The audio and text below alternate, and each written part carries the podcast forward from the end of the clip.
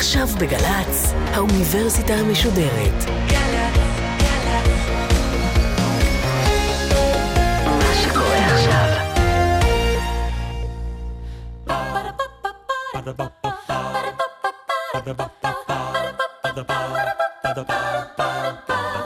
האוניברסיטה המשודרת בשיתוף מיזם וויז מציגה המדען העירום מיטב החוקרים בישראל בשיחה עם בן שני אחד על אחד מול קהל. והפעם שיחה עם הדוקטור תום רן ממכון ויצמן למדע על המחשב הביולוגי. עורכת ראשית מאיה גאייר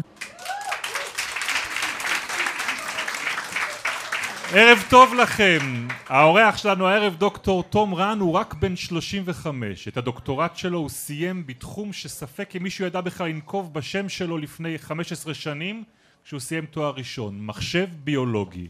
אנחנו נשמע הרבה הערב על פרויקט המחשב הביולוגי ששוקדים עליו לא רחוק מכאן במכון ויצמן וכאן זה בר בשם הברזייה ברחובות שאנחנו מתארחים בו הערב כמה מילים עליך תום רן, סיימת בהצטיינות תואר ראשון במדעי המחשב, במדעי החיים ובפסיכולוגיה. את התואר השני הוא כבר עשה במדעי המוח ובפסיכולוגיה קלינית, אבל ההתמחות של תום רן היא מחשבים ביולוגיים. עכשיו זה הרגע שבו העורכת של התוכנית הזאת, מאיה גאייר, אומרת לי תסביר מה זה מחשב ביולוגי, כדי שגם המאזינים שלנו בגלי צה"ל יבינו על מה אנחנו מדברים. אני אתן את ההגדרה שלי, כן. תגיד לי אם אתה חותם עליה. כן, כן. מחשבים ביולוגיים זו דרך להגדיר ענף שלם בביולוגיה שמייצר בעצם מכונות משוכללות שבנויות מחיידקים או מתאים שעברו איזשהו קידוד גנטי מיוחד שמלמד את אותם תאים או חיידקים לבצע עבורנו פעולות. נשמע לך מתאים?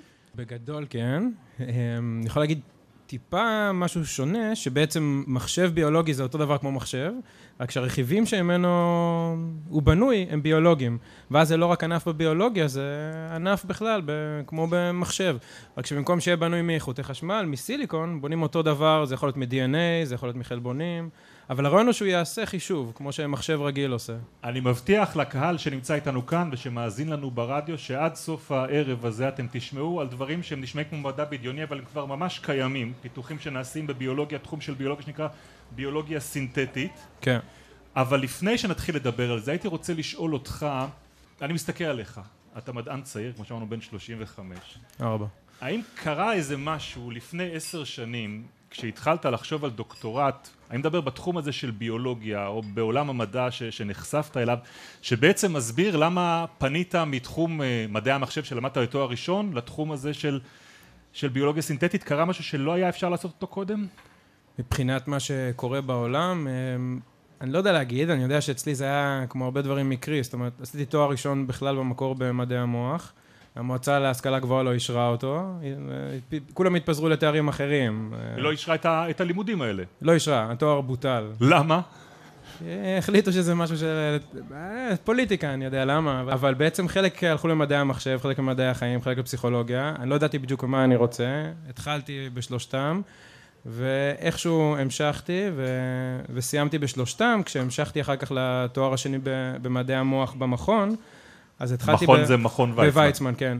היה לי ברור שאני רוצה דווקא להמשיך שם במדעי המוח, אמ, לגמרי. היה איזושהי מעבדה ספציפית שסימנתי, ונורא רציתי להגיע אליה, איפה... ש... לחקור מה? יש שם את פרופסור מיכל שוורץ, שהיא אישה חזקה כזאת ומדהימה ו... שהתארחה אצלנו רק לפני 아, אה, שבוע, כן. כן. אז זהו, אז, אז אתה יודע על מה אני מדבר, זה... על מערכת החיסון. כן, לא, עליה, מעבר לתחום שהיא חוקרת. כן. זאת אומרת, אם מישהי שבאמת שינתה דוגמות במדע, שזה דבר לא, לא טריוויאלי.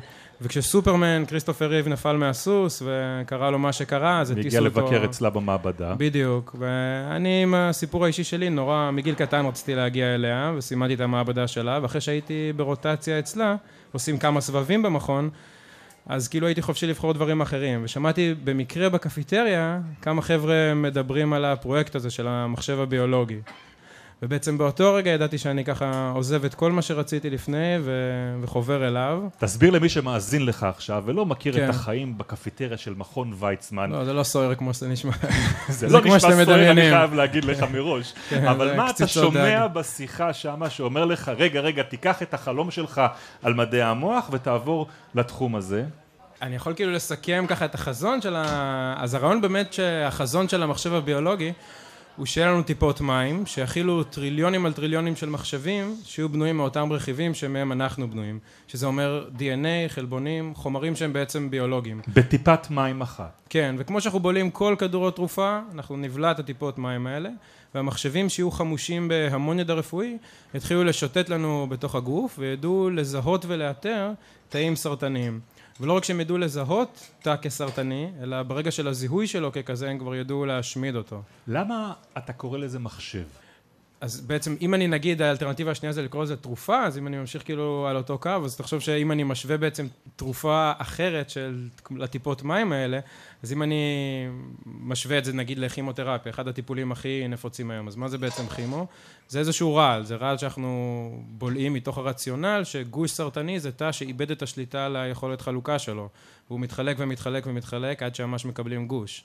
אז הרעיון הוא ליצור דור חדש של תרופות שיהיו הרבה יותר ספציפיות, שיוכלו ככה ממש אה, לפגוע רק בתאי מטרה, בתאים הסרטניים, בלי לפגוע בתאים הבריאים. אבל אנחנו יודעים שעובדים על הרבה מאוד תרופות שנחשבות הדור החדש של התרופות נגד הסרטן.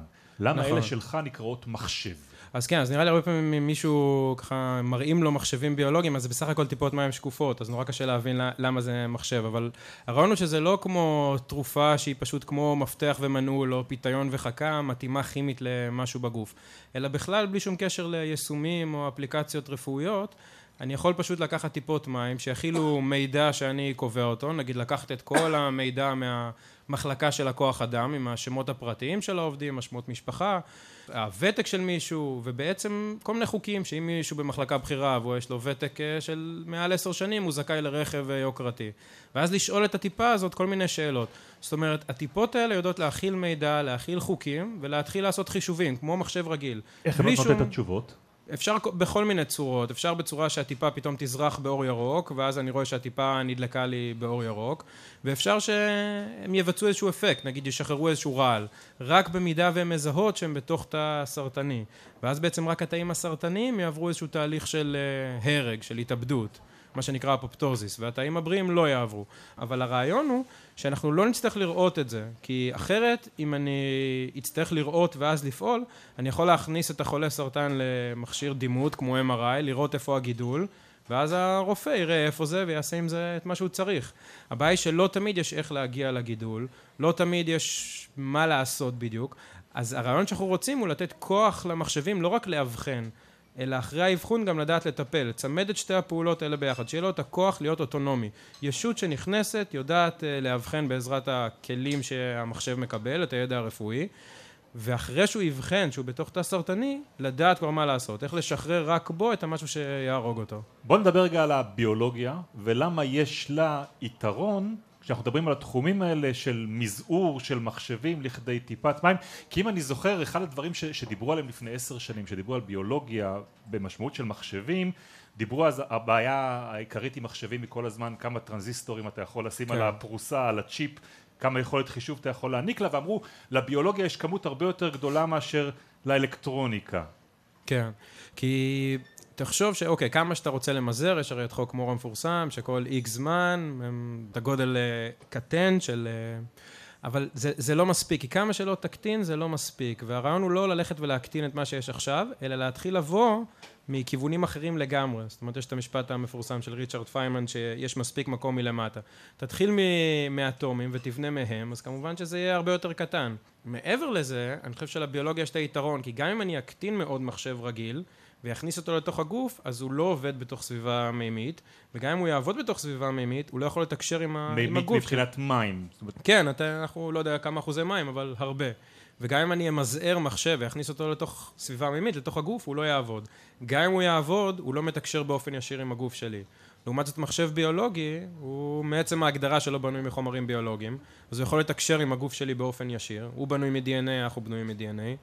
וכמובן, היתרון הכי גדול זה העניין של הגודל. בתוך טיפה אחת יש לנו שלושה טריליון מחשבים כאלה, שפועלים במקביל. אז כמובן את היומרה גדול. היא לעשות איזשהו hard disk ענק או צ'יפ גדול שבנוי מחומרים ביולוגיים הביולוגיה הסינתטית אה, זנחה? לא, היא לא זנחה, אבל uh, הרעיון הוא לא רק להתחרות ב- במחשבים רגילים. אפשר להתחרות בהם, אבל מחשבים ביולוגיים יש את החסרונות uh, שלהם. מה החסרונות שלהם? אז בהתחלה חשבו שהכוח האדיר שלהם להתחרות במחשבים רגילים זה הכוח החישובי, שמחשב רגיל מאבד את הדברים אחד אחרי השני, ואז נגיד אם אני רוצה למצוא את המסלול הכי יעיל בין מקומות, מחשב רגיל ככה צריך לחשב את כל המסלולים האפשריים, זה לוקח הרבה זמן, אז מחשב אה, ביולוגי יכול לעשות את זה במקביל, אבל דרוש הרבה חומר. אז אם במחשב זה ייקח שלושה ימים, במחשב ביולוגי זה ייקח רגע, אבל זה ייקח כמשקל כדור הארץ, צריך המון המון חומר. אבל מבחינת אחסון מידע, המחשבים הביולוגיים כן מצטיינים. זאת אומרת, בגרם אחד של DNA הצליחו לקודד מידע משלושה מיליון דיסקים, שזה לפי דעתי 700 טרה-בייט, זה לא רק שזה קטן מאוד, זה גם שורד הרבה מאוד שנים. דיסק רגיל לא מחזיק כך הרבה זמן, ולעומת זאת אני יכול להוציא עדיין עצמות של ממוטה ולרצף את הגנום שלה. אני רוצה רגע להבין, כי אתה משתמש במונחים מעולם המחשוב, אתה מדבר כן. על לקודד, אתה מדבר על DNA, כשאני למדתי על קידוד ועל DNA דיברתי במובן של באמת כמו שאתה אומר לרצף, לפענח את הקוד הגנטי, אני מבין שאת השלב הזה כבר לחלוטין עברנו, כן. יש מיפוי שלם, מה זה אומר בעצם לקודד? להכניס את, ה, את הרצף. אבל לפני להכניס את, ה, את הרצף, תחשוב שברמה הכי פשוטה, לפני שאנחנו בכלל בונים מחשבים, אני, אתה, כולנו, התח... ברמה הכי בסיסית, התחלנו בתור תא בודד, ביצית אחת, כשאמא ואבא התאחדו זה היה ללא יותר מאשר תא אחד, לביצית שהופרטה על ידי זרעון. ובביצית הזאת היו כבר כל הוראות הרכבה, כל הוראות אפייה לכל אחד מהתאים, לכל אחד מהאיברים, ובסוף לכל האיברים האלה ביחד לבנות את הבן אדם כולו. זאת אומרת ש... אני לא יודע אם אנחנו מחשב, אבל מבחינת אה, מערכת הפעלה או חומרה, תוכנה, לא משנה הדקויות, אבל יש שם את היכולת לבצע חישובים, לבנות מהם מבנים, זה לא משהו זר לגמרי לביולוגיה, הביולוגיה המציאה את זה כבר איך לעשות מכונות שיודעות לעשות דברים. אבל כשאתה מדבר על DNA אתה מדבר על קוד, נכון? זה המקבילה. כן, עכשיו כששאלת על בעצם אם אה, רק לרצף גנום זה משהו ישן, אז כן, בשנת 2000 כבר סיימו לרצף את, היה את פרויקט הגנום האנושי המפורסם, אה, עלה שלוש, סתם מבחינת אה, מספרים, אז הוא עלה שלושה ביליון דולר, לקח 15 שנה, כלל 22 מדינות שכל אחת ריצפה חלק. סתם בשביל להבין כמה השתכללנו מאז, היום כבר עושים את זה על מכשיר בגודל של דיסק און קי, שפותחים לו כזה מגירה קטנה, שמים בפנים את הדגימת רוק או אדם, זה עולה סביב ה-1200 דולר, וזה לוקח אה, משהו כמו, החברות מפרסמות משהו כמו כמה שניות, אז נגיד אה, שעה. בונים בעצם את כל הקוד הגנטי שלי. מרצפים את כל הגנום של מישהו, או חלקים אה, מספיק רלוונטיים, העלות היא כבר מזערית, בטח לא שלושה ביליון דולר, בגלל זה כל החזון הוא כבר אחר לגמרי, אני חושב, אפילו חזון כמו מחשב לכל ילד. אין סיבה שלא לי, לך, לכולם יהיה בדרופבוקס שלהם את הרצף הגנטי, ובמקום, אה, אנשים היום מסתפקים ככה בלדעת מה לחץ דם, כולסטרול, זה מדדים יחסית פרימיטיביים, זאת אומרת, תחשוב שאני יכול להקשיב לדפיקות לב שלך ולדעת. לעומת זאת, אתה יודע, מי שהיום בהיריון רוצה לדעת כמה חומצה פולית לקחת, למה לא לבדוק באפליקציה, לפי הרצף שלה, ולפי זה לדעת לקחת, זה מדברים מצילי חיים עד ממש אה, קובעי איכות חיים. אנחנו נגיע בהמשך לכל האפליקציות כן. שקיימות בתחום הזה, אבל בואו נחזור באמת לעניין הזה של לבנות מחשבים. אז אם ה-DNA היא התוכנה, מהי החומרה? אז כאן זה לא ניתן עד כדי כך להפרדה, כי החומרה, מה שמחזיק את הדברים, הוא גם לפעמים התוכנה. אז זה, זה קצת נתון לפרשנויות, כל אחד יתווכח, ובין מדענים זה יכול להיות אה, ריב למוות, מה החומרה, מה התוכנה. הרעיון הוא שיש אה, בדיוק כמו במדעי המחשב, יש לך שערים חשמליים, כל שער נכנס בו קלט, או נכנס נגיד זרם חשמלי, שיכול להפעיל את המעגל החשמלי הבא, שיכול להפעיל את המעגל החשמלי הבא. אז פה יש גנים, כל גן יכול להפעיל את הגן הבא. באמת בחלק מה, נגיד חיידק שידע לנווט לעבר איזשהו גידול, ולזהות שהוא הגיע ליעד, אז זה מה שעושים, לוקחים אה, איזשהו מודל כזה ממדעי המחשב, כמו החללית ניווט של אפולו, וזה מחשב יחסית פרימיטיבי שהיה בשנות ה-50, 60, אבל עשה את העבודה, אז פשוט מעתיקים את זה, רק במקום שזה יהיה ממעגלים חשמליים, זה ממעגלים גנטיים. וזה מאפשר בעצם לחיידק לדעת לנווט לעבר איזשהו גידול. אז הרעיון הוא פשוט להמיר את זה, זה אותו דבר, רק במקום מחשמל, מרכיבים גנטיים. איפה אתה מייצר את החומר הגנטי הזה שאתה מדבר אה, עליו? אוקיי. תלוי מה רוצים לבנות, אבל היום זה, זה נשמע נורא בשמיים, DNA וגנים, אבל זה נורא פשוט. אתם יכולים להיכנס עכשיו מהפלאפון לאתרים כמו סיגמה או IDT, ולראות שאתם יכולים להזמין שם אונליין, בדיוק כמו ברמי לוי או באי-ביי, אפשר לקנות משם DNA online. זה גם לא כזה יקר, אני חושב שגדיל DNA היום עולה סביב העשרה שקלים, גדיל אה, שהוא לא ארוך במיוחד. תסביר לי מה זה אה, אומר גדיל DNA? DNA הוא פשוט נוקלאוטידים, רצף של אה, נוקלאוטידים. C, T, D, A, יש ארבע... AGC ו-T. אבל אפשר פשוט להזמין מהחנות, והדבר העוד יותר מדהים זה, שאם מכניסים את ההזמנה, אתם יכולים לראות מהפלאפון באתר, יש כזאת עגלה למעלה, אם אתם מכניסים את הרצף של ה-DNA עד השעה 4 אחר הצהריים לעגלה, אז באמת יגיע עד אליכם למחרת, ב-11 הבוקר שליח עם מעטפה, שבתוכה מבחנה עם אבקה לבנה, וזה באמת ה-DNA שהזמנתם יום קודם לכן. שמה אז- מייצר אותו? אז מה שלהם יש בחברות האלה זה פשוט מדפסות שנראות ככה מדפסות ישנות מסורבלות רק שבמקום שיהיה מחסניות שיכילו את הצבעי דיו השונים בעצם המחסניות זה הטונרים יהיה מחסניות שיכילו את האבני בניין שממנו ה-DNA בנוי ככה שההזמנה שלי אפילו לא עוברת דרך אה, בן אדם היא נקלטת ישירות לתוך המדפסת שפשוט מדפיסה לי אות אחרי אות, נוקלאוטיד אחרי נוקלאוטיד, את אותו גדיל DNA שהזמנתם אה, יום קודם לכן. אז באמת גם עד כדי כך פשוט לייצר, וגם עד כדי כך אה, זול להזמין DNA אבל ב- כשאתה מקבל את בימינו. האבקה הלבנה הזאת בתוך מבחנה, כן. איך אתה מלביש אותה לתוך תא ש- שיחיה?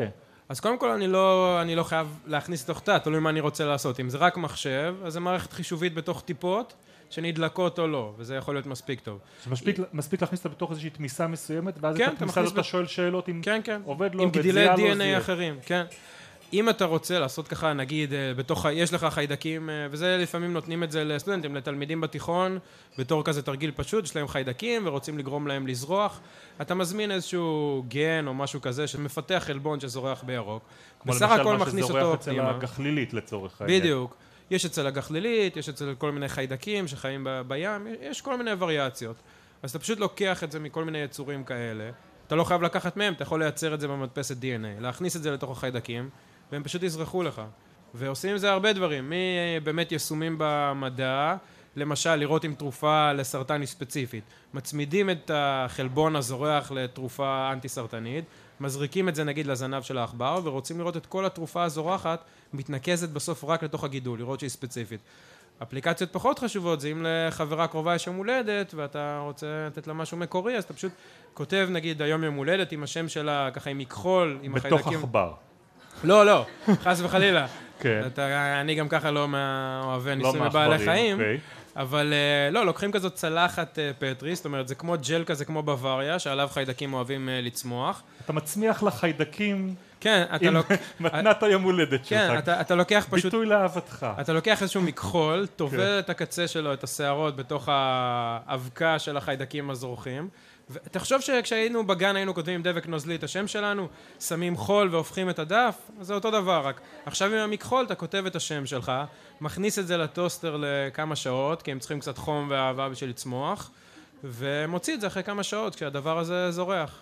אבל במה זה שונה מההנדסה הגנטית שאנחנו מדברים עליה כבר שנים שנעשית? מהעגבניה שאנחנו יודעים להעריך את חיי המדף שלה? כן. או מלקיחת הגן שגורם, אה, אני לא יודע מה, לדגים לשרוד בקור, ואנחנו כן. גורמים לאורז להיות יותר אה, בריא בצורה הזאת. אז כן, אז הנדסה גנטית זה יותר איך אתה לוקח, נגיד, זה כמו שיש לך וורד, מאבד תמלילים, ואתה מתחיל לשנות חלק מהאותיות. אז הוצאת איזה גן אחד, או איזה אות אחת, או איזה מילה אחת, והחלפת במילה אחרת. פה רוצים שזה לא רק יהיה ככה משהו שמשנה איזה אות או מילה. רוצים שזה יהיה כמו מחשב, שיכול לקבל קלט והרבה קלט, וממש לעבד אותו באופן הרבה יותר מתוחכם, ואז להוציא איזשהו פלט או איזושהי תגובה. אז זה לא רק להחליף איזה מילה פה, מילה שם. כי אני יכול לעשות את העגבניה ירוקה או צהובה, אבל זה לא חישוב אה, מסובך. אני רוצה שהמחשב ייכנס, וממש ידע לאבחן דברים. אתה רוצה רק- שהעגבניה תתקשר עם משהו, לא, אני ותייצר עוד פעולה.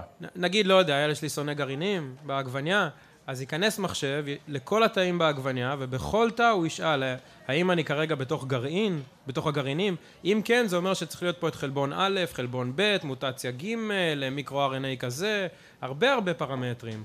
ואז אם זה ייכנס ויזהה שכל הפרמטרים מתקיימים, הוא איכשהו ישמיד את אותם אה, גרעינים. זאת אומרת, זה לא רק שאני מבטל גן בודד אחד אה, שממנו ייווצר הגרעין. זה משהו הרבה יותר אה, מסיבי מבחינת אה, יכולת עיבוד מידע. תשמע, אני מניח שכל אחד שמאזין לך עכשיו ושומע את היישום שלא הפסקת לדבר עליו, שהוא גידולים סרטניים, כן. הוא שואל את עצמו כמה אנחנו רחוקים משם. כמה אנחנו רחוקים מתרופה שתהיה מוכוונת לסוג גידול מסוים ותדע לתקוף רק אותו. אז זהו, זה תמיד חשוב להגיד שאם מישהו שומע את זה עכשיו, זה לא איזה משהו שרופא יכול לרשום עכשיו, או מוצר מדף בסופר פארם, גם אם זה היה נגיד עובד לגמרי עכשיו, יש את השבע שנים של ה-FDA, של הרגולטור בעצם שצריכים לעבור אותם. אז במקרה הטוב זה עשור. אבל זה אני תמיד נותן תשובה פסימית, כי כבר יש, פייזר העולמית כבר נכנסה עם איזושהי מעבדה לניסויים קליניים בבני אדם ב... עם מחשבים ביולוגיים. אז יש כבר ניצנים של זה, אבל גם אצלהם זה יצטרך לעבור את השבע שנים של הרגולציה. אז בכל מקרה, התשובה הכי אופטימית היא שבע שנים מהיום. שבע שנים, אבל במה שונות התרופות האלה מהתרופות שאנחנו יודעים שעובדים עליהן כבר היום, כל התרופות שנחשבות לדור הראשון של המלחמה בסרטן, שלמעשה מלמדות את מערכת החיסון שלנו להתמודד עם התאים הסרטניים? אז כן, זה מה שאתה מדבר עליו, זו אחת העבודות הכי מדהימות שיש היום, שהראתה 93% הצלחה, שמספרים כאלה אין בה, אין, זה מספר מדהים. אבל גם שם זה אתה בעצם מלמד את מערכת החיסון איך לתקוף uh, גידולים סרטניים, אבל אתה צריך שיהיה לך משהו ללמד אותו שהוא מספיק ספציפי ו- ופשוט. איזשהו משהו אחד שהוא כמו פיתיון, שהתאים שאתה תרצה הם יהיו כמו חכה, שיתלבשו. ובמחשב? אתה, במחשב, תחשוב שאין לך תרופה שנגיד יכולה לעשות חישובים מורכבים, כמו לחשב את כל המידע מכוח אדם. זה רמה אחרת לגמרי של חישובים. הרי תרופה זה משהו שידע לזהות משהו ספציפי אחד. כבר היום יש כל מיני סוגים של אה, תרופות. אבל הבעיה היא הספציפיות. אתה רואה כמה תופעות לוואי נוראיות יש. כמו כימו, שהתאים הם מתחלקים, אז גם התאי שיער מתחלקים כל הזמן, ובגלל זה השיער נושר. והבעיה היא לא קוסמטית, הבעיה היא שאי אפשר לעשות את התרופות מספיק חזקות. תעשה אותן יותר מדי פוטנטיות, ולא רק תאבד את השיער, תאבד כבר את המארח, את הבן אדם עצמו. אז כדי להפוך אותן להרבה יותר פוטנטיות, הרבה יותר חזקות, אתה צריך לעשות אותן הרבה יותר ספציפיות, שהם יוכלו לחסל בעוצמתיות את הגידול, בלי להרוג בכלל את המארח. ובשביל זה אתה צריך כוח חישובי הרבה יותר חזק. לא רק לאבחן גן אחד או שני גנים, אלא הרבה יותר. ואם אני מבין נכון את המקום שאליו אתה חותר, אתה רוצה בכלל להשתמש בטיפול הזה כטיפול מניעתי, לא אחרי ההבחנה, אלא עוד הרבה לפניה. כן, אז הרעיון ש... שברגע שיהיה מספיק ניסיון עם הדבר הזה, בטח לא בשנים הראשונות, קודם כל נראה שזה לא הורג את כולם במקום להציל אותם, אחרי שיהיה עם זה מספיק ביטחון, אז אפשר לעשות את זה בתור טיפול מניעה, זאת אומרת שהוא יסתובב כל הזמן בגוף, ינטר את המצב, וברגע שתא בודד עובר את ההתמרה הראשונית, עוד לפני שיש גידול, הוא ישמיד אותו כבר אז. אומרת המחשב הזה מסתובב בגוף ועושה שם איזשהו בט"ש קבוע ומחפש את התאים הסרטניים. בדיוק, בדיוק. מה שמערכת החיסון אמורה לעשות. כן, נכון, אבל אנחנו רואים שהיא לא עושה את זה מספיק טוב, היא עושה דברים אחרים באופן נפלא, אבל היא יכולה להשמיד חיידקים או כל מיני דברים כאלה. הבעיה שגידול סרטני במקור הוא תא שהוא אנחנו, שעבר תקלה. והשתנה, ומערכת החיסון אה, קשה לה לזהות אותו. מה גם שהגושים, הגידולים הסרטניים חכמים, הם עושים הכל בשביל להתחמק במערכת החיסון. אז אנחנו רואים בסוף שכולנו מכירים אנשים אה, עם סרטן. שמע, אתה משווק את זה מאוד טוב, ואפילו נקבת פה בתאריך שאנחנו נבדוק אותך לגביו. אמרת שבע עד עשר שנים. אמרתי במקרה הטוב. במקרה הטוב. אז עכשיו בוא נדבר על העניין של במקרה הטוב. כן. מה הדבר שאתם מתמודדים איתו, שמרחיק אתכם מה, מהפתרון הזה? קודם כל שהטבע, הביולוגיה, תמיד מחזירה חזרה מלחמה. אתה מכניס משהו לגוף, או אפילו לתאים, הם יעשו הכל בשביל להילחם בו, בשביל להוציא אותו. ואני חושב שבשלב הראשון שניסו להיכנס לתוך תאים, שום דבר לא עבד. והלקח היה אז להשתמש רק במה שאתה גם ככה משתמש בו. אתה כבר בנה מערכות ומערכות חכמות מאוד, בוא נלמד מה אתה משתמש בו, נגנוב ממנו ונבנה בדומה אליו. וזה לקח לא רק למחשבים ביולוגיים שנלחמים בסרטן, זה לקח לכל מי שמתעסק בתחום הזה של ביולוגיה סינתטית או ביולוגיה מלאכותית. לגנוב כמה שיותר מהטכנולוגיות של הטבע, ופשוט להתחיל לחבר אותם באופן שונה לצרכים שלנו. רצף גנומי אפשר גם לקודד מחיידקים? אפשר גם כן לקודד אותם מדברים אחרים? ואם אפשר להדפיס את הגדיל DNA שעושה מטרה א', אפשר גם כן להזמין את הגדיל שעושה מטרה ב'. כן, אני חושב, זה, אני יכול להגיד לך משהו, אני לא יודע אם הוא מצחיק, כי לי הוא היה מאוד, זו אחת החוויות הכי לא נעימות uh, בלהרצות. אני מת על להרצות לילדים, לנוער, אבל הייתה הרצאה אחת שהיה לי נורא לתת אותה. בחברת אנטיווירוס שרובנו משתמשים בה. אוקיי. Okay. ומהשאלות שלהם הבנתי לאן הם מכווננים, או רוצים לדעת להתכוונן, כי תחשבו שאם היום, אה, אמרתי לכם, כל אחד יכול מהפלאפון להיכנס ולראות אה, דרך האתר איך מזמינים אה, גדילי DNA, אז זה אומר שאותו ילד שמצחיק אותו לשבת בבית ולכתוב וירוסים למחשב, תחשבו שאפשר להיכנס לאינטרנט עכשיו ולראות מה הרצף של איזשהו וירוס כמו אבולה, אז הוא יכול להזמין איזשהו אבולה או משהו דומה, לשנות קצת את הרצף שלו כדי שכולנו נקום עם נקודות סגולות אם הוא רוצה רק להיות מצחיק ולא רוצח המונים, ובאמת התפתח כאן תופעה של וירוס אנטי וירוס, רק בעולם האמיתי, לא בתור משל אה, במחשב. וככה כולנו אולי נצטרך אה, לקום בבוקר ולקחת איזה אפדייט אה, יומיומי לאנטי וירוס שלנו, האנושי, לא במחשב. מתישהו יהיה הילד הראשון שיעשה את זה. בגלל זה אני לא כל כך מפחד ממדענים, שתמיד מפחדים שמדענים יהרסו את העולם, ואולי זה באמת יקרה, אבל פחות מפחיד אותי האנשים האלה. מפחיד אותי יותר הגאונים כמו סטיב ג'ובס, או דברים כאלה. יכולים באמת לבנות כל מיני דברים שאלוהים יודע מה, וזה הרבה יותר מפחיד אותי ממדען עם כוונות טובות שיכול להשתבש הכוונות הטובות. על הכוונות הטובות אנחנו הולכים להגיע בחלק השני של המפגש. כן. אבל לפני זה יש לנו כאן קהל גדול בבר הזה שנקרא ברזייה ברחובות, ואני מניח שבשלב הזה כבר יש גם שאלות שהיו רוצים לשאול אותך. היי, תציג את קוראים לי עצמך. מתן, אה, סטודנט בפקולטה לחקלאות. רציתי לדעת מה מרווח הביטחון שלוקחים כשמתכנתים אה, מחשב כזה. איך אני יודע שזה לא יהרוג את כולם? איזה מנגנוני בטיחות אפשר להכניס? שלא יברח לך מהמעבדה משהו ש...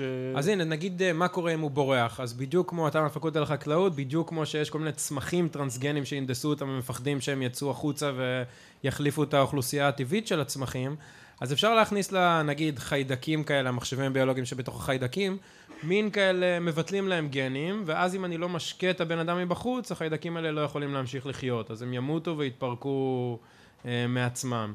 או אני יכול להכניס על כל מחשב שאמור לאבחן מצב של סרטן, מחשב שאמור לאבחן מצב אה, בריא, והם מתחרים אחד בשני. ואז אם זה סרטן סופני, אני אשים יותר מהמחשבים שאמורים לאבחן מצב סרטן. אם זה ככה ככה, אז אפשר לשים יותר מאלה שמאבחנים מצב בריא. מה גם שאני יכול לבטל את האפשרות של החיידקים להתחלק, שהם לא יחיו אצלי לנצח, אלא שבן אדם כמו כדור יצטרך לקחת אותם כל uh, 12 שעות. זה עדיף לי מאשר שהם יישארו שם לנצח. אז יש המון דברים, והם משותפים לכל המעבדות שחוקרות את ה... יש המון כאלה טיפולים שעושים עם חיידקים, או בהמון שיטות אחרות, אז זה אנחנו לא צריכים להמציא בעצמנו. אבל אף אחד לא היה נותן לזה תקציבים, אם לא היו ממציאים כבר uh, מספיק שיטות איך uh, לדבק את זה. אבל כמובן יש מספיק uh, סכנות גם שאני לא יכול לנסות לחשוב עליהם לבד, אז אתה יודע, בגלל זה יש כזאת רגולציה קפדנית, שבע שנים צריך לעשות את הניסויים האלה בתנאים מאוד מאוד סטריליים, סגורים, אחר כך בעדינות לעבור לעכברים, אחר כך לבני אדם, יש המון המון שלבים. כן. היי. Uh, מעניין אותי לדעת מה מבחינת עלויות, מה צפוי. אם uh, טיפול כימותרפיה עולה X והוא כן משתלם לכל uh, מטופל, כמה עתיד לעלות הטיפול בטיפות המיוחדות האלה? העלות הייצור של זה היא לא גדולה. כמה אחר כך על כל השנים של הפיתוח וכמה חברת תרופות תרצה, אני לא יודע להגיד, אבל מבחינת עלות הייצור של התרופות האלה זה לא עלות גדולה. אני אשאל שאלת תם. כן. העובדה שהטכנולוגיה כל כך זמינה, שאני יכול להזמין באינטרנט את חומרי הגלם, מה שאני לא כך יכול לעשות בתרופות, מבטיחה איזשהו משהו יותר אה, חופשי, יותר דמוקרטי בשימוש אני, בהם? אני מקווה, כי תראה, היום כבר יש מדפסות תלת מימד, לפני חודשיים התפרסם, שכבר אה, הצליחו להדפיס בהם, אני לא זוכר איזושהי תרופה, את אחת מהתרופות. ומה בדיוק וחברת חברות... ה- חברת המדפסות בודקת גם שיש לך את הפטנט על הגדיל שאתה מזמין ממנה? לא, חברת ה... אתה יודע, זה כמו אוטו, אם בן אדם נכנס ועושה תאונה, אף אחד לא יאשים את היצרן רכב. המדפסת תלת מימד, היא מדפיסה, מה אתה מדפיס, אקדח או תרופה או מה שאתה... או שסתום ללב, זה כבר היא באחריותך. שולחת בא- באבקה הלבנה. דוקטור תום רן, אל תלך לשום מקום. אתה תישאר כאן, אנחנו נפרדים עכשיו מהמאזינים שלנו בגלי צה"ל, הם ישובו למפגש הזה בשבוע הבא, אבל בינתיים אנחנו נגיד תודה לעורכת שלנו מאיה גאייר, למי שעשתה את ההפקה והתחקיר אביגיל קוש, על הביצוע הטכני כאן ברחובות אסף סיטון, ליעד גרושקה ובן קטן. תודה נוספת להלל צרור.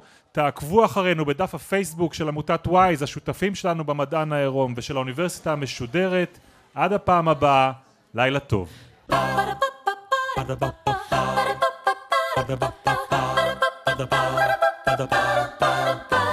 האוניברסיטה המשודרת, המדען העירום. בן שני שוחח עם הדוקטור תום רן, ממכון ויצמן למדע, על המחשב הביולוגי. עורכות ומפיקות, אביגיל קוש ותום נשר. מנהלת תוכן, מאיה להט קרמן. עורך דיגיטלי, נדב הלפרין. האוניברסיטה המשודרת, בכל זמן שתרצו, באתר וביישומון של גל"צ, וגם בדף הפייסבוק של האוניברסיטה המשודרת.